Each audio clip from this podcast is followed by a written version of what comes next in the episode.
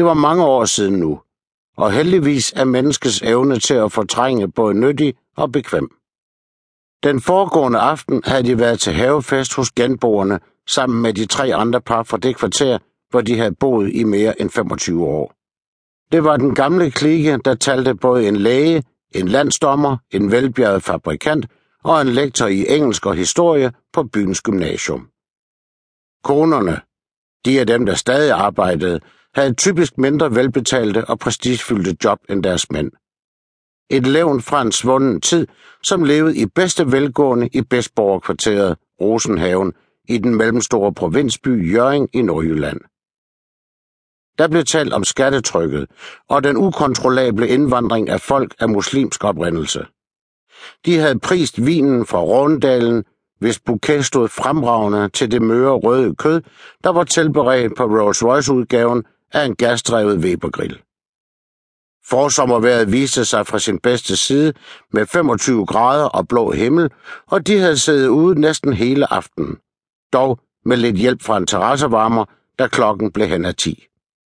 De var tit samlet i klikken til behagelige sociale arrangementer. Det var som om deres lille velfærdsenklave forstærkede sig selv og mindede dem om, at de var heldige med deres liv. At de kom sammen med den rigtige slags mennesker, og at deres bestræbelser hidtil havde været det hele værd. Lykken var håndgribelig, når andre bekræftede den.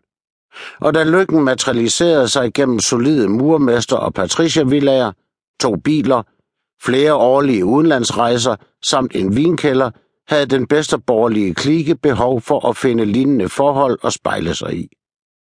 Og gennem årene var det ikke det eneste, de havde opfundet som fælles værdi og moralsæt. Der var lige den gang, den ene gang, man ikke talte om, og som for nærværende lige så godt aldrig kunne have eksisteret. Vil du læse lidt, inden vi slukker lyset? spurgte Hans Villassen sin kone. Hun lå med dette års mest anmelderroste dokumentar om det navnkundige bankrøveri, hvor en ung funktionær og familiefar så tragisk havde mistet livet, og om hvordan bagmændene, en gruppe drevet af naive politiske visioner, havde mistet deres idealer i takt med, at voksenlivet indfandt sig i fængslet. Ja, bare lidt endnu, svarede hun, uvidende om, at ordene hun læste, mens døsen indfandt sig, ville blive de sidste i dette liv. Hun var oprigtigt rørt over de tragiske skæbner, der spandt sig ind i hinanden, og mærkede et selvretfærdigt stik i hjertet, mens hendes søvnige øjne forsøgte at fokusere på bogstaverne. Et kvarter senere slukkede Karin Villassen sin sengelampe, og mørket omsluttede ægteparet, et mørke, de udelukkende opfattede som midlertidigt. Rosenstien lå hen i forsommermørke, kun svagt oplyst af en spæd tiltagende måne. De tilsyneladende indbydende forhaver med solide statussymboler bød således alt andet end velkommen, skønt ordet sikkert var printet på flere af dørmåtterne i kvarteret. Men han kendte gaden, husene, og vidste, hvem der boede i flere af dem. Den kvalmende villa-idyl havde lukket sig om sig selv i forsøget på at holde resten af verden ude. Med blikket indstillet på uendeligt, slørede han sine øjne ved at knibe dem let sammen for at opnå en meditativ tilstand, mens farverne dansede i mørket. En tilstand, der gav det meningsløse mening og som gjorde hævn retfærdig. Han følte sig endegyldigt forvandlet nu og sikker.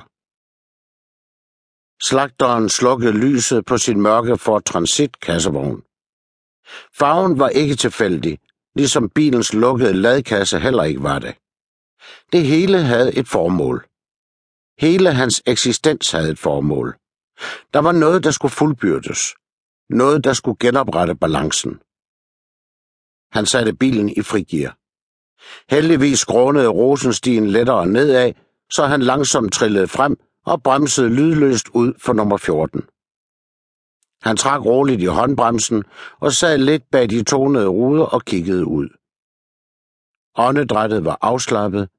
Pulsen slog knapt et slag i sekundet og vidnede om den indædte tro på, at det han nu skulle til at gøre, var et udslag af retfærdighed snarere end en handling af vold.